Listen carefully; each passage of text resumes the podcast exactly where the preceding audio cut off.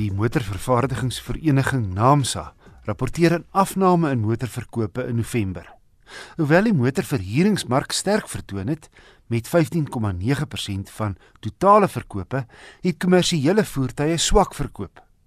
Dit het op 'n jaargrondslag 'n algehele daling van 5,8% in voertuigverkope vir November beteken, met net meer as 44700 eenhede. Die Toyota Hilux het met 2588 eenhede net net beter verkoop as die Volkswagen Polo Vivo met die nuwe geslag Polo in die derde plek. Baie mense vertrek vanaf die naweek met verlof. En die land se hoofroetes gaan weer swaar verkeer dra. Ek het by Rob Hanfield Jones, die bestuurende direkteur van driving.co.za vir veiligheidswenke gaan aanklop. Ek wil eers by hom hoor hoe mens jou voertuig moet inspekteer voordat jy die lang pad aandurf. Kyk, ek dink uh, mense moet bewus wees dat hulle daagliks hulle voertuie moet inspekteer. So met ander woorde, elke keer voordat jy werk toe ry, maak jy net seker dat daar nie oor na gepad wil gekry het en sulke goed nie. En dan sien ons maar twee weekliks kyk jy banddruk en so aan. So mense behoort in die gewoonte te wees van seker maak hulle voertuig is in die regte kondisie. Maar waar dit by die langpad kom, gaan die voertuig aan omstandighede blootgestel word wat nie gewoon is. So byvoorbeeld, hy gaan swaarder gelaai word. So die banddruk gaan dalk volgens die eienaarshandleiding bietjie stywer gepomp moet word. Hy gaan ook lang afstand ry. So wanneer laas is die verkoelstelsel nagegaan? Jy weet, as daar so effens 'n lekkasie is by die verkoelstelsel wat mense nou maar deur die jare ignoreer het, moet 'n mens dalk daaraan laat kyk vir dat mense die langpad aandurf. So dit is regtig die verskil tussen die daaglikse bestuurpatroon en die langpad wat die benodigdheid vir die voertuig se inspeksie sal sal aandryf.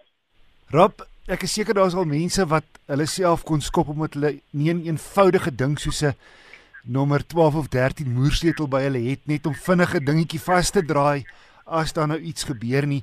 Ehm um, wat is van die goed wat jy sou aanbeveel 'n mens moet saamry wanneer jy die lang pad vat?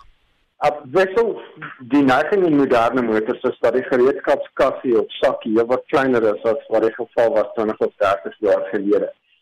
Maar dit is steeds handig om sien maar 'n skroewedraaier by te hê as daar dalk 'n pyp sou loskom 'n mens byvoorbeeld daai proppies wat oor die dopie waarom jy jou doelmoere losdraai wil probeer afkry dit is soms nie so maklik om dit met die hand te doen maar dan moet jy mens agter die motor kyk of die vervaardiger self skroewe daai ingesluit het want daar's baie motors daar waar die gereedskaps sakkie baie baie uh, skraal is. So ek sou sê 'n nommer 13 moesleutel nommer 10 uh as 'n mens reg avontuursaam is in nommer 17 beslis uh, kruispunt en platpunt skroewedraaier en plus nog goed soos wat 'n mens gewoonlik sou nodig hê om langs die pad reparasie te maak die teepband uh daai silikoonband wat mense nou deesdae kry is baie handig as 'n mens net 'n gebarste uh verkoelingspyp wil toedraai sodat 'n mens by die volgende dorpie of stad kan uitkom.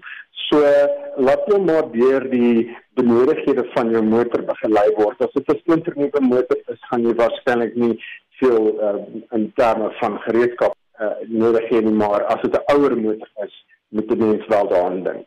Rob, daar word groot klem gelê op spoed. En niemand van ons wil 'n spoedkaartjie kry nie, maar net so belangrik of amper belangriker is dat mens jou spoed by die omstandighede moet aanpas. Ja, as 'n mens na die Padverkeer Bestuurskorporasie se statistieke navorsing op hierdie area gaan kyk, bevind jy redelik konsistent oor die afgelope twee dekades dat ongeveer 7% van botsings hoë spoed as 'n bydraende faktor tot die botsing gehad het. So spoed is nie eintlik by so baie botsings betrek as wat mense sou dink nie en ook nie as wat die regering sou wou voorgee nie. Maar ons moet dan bygesê onthou dat spoed vervolgens deesdae 'n uh, industrie is wat nou meer as 'n miljard rand per jaar werd is. So die regering en die private sektor maatskappye wat daarbey baat, het nou natuurlik die aanspoor om vir mense te sê nee, kyk, dit is belangrik en en en al daai dinge, maar die vraag wat jy vra, is eintlik die regte een. Want die voetpad kan dalk 120 wees, maar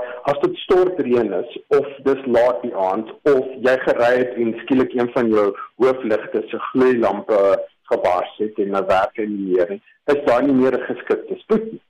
En dieselfde as die spoedpad 120 is en almal doen 120, dan kry mense knop wat nou van die regterbaan af probeer oorkom na die sinemare afrit wat hy wou gevat het en nou doen hy 20 stel hy almal wat van agter af kom in gevaar. So dit is baie belangrik om 'n mens se spoed by omstandighede aan te pas. Nie te vinnig of te stadig vir omstandighede ry nie en maak altyd seker dat 'n mens binne die afstand wat jy voor jou kan waarneem kan stil hou. Want as jy om 'n draai kom teen 120 en daar 'n esel in die pad is of 'n motor wat omgeslaan is of so iets en jy nie genoeg vooruitsig gehad het nie, gaan jy nog 'n ongeluk daar veroorsaak. So ja, spoed vir kondisies baie baie belangrik. Rob Anfield Jones, die bestuurende direkteur van driving.co.za. In volgende week se rubriek sit ek 'n gesprek met hom voort.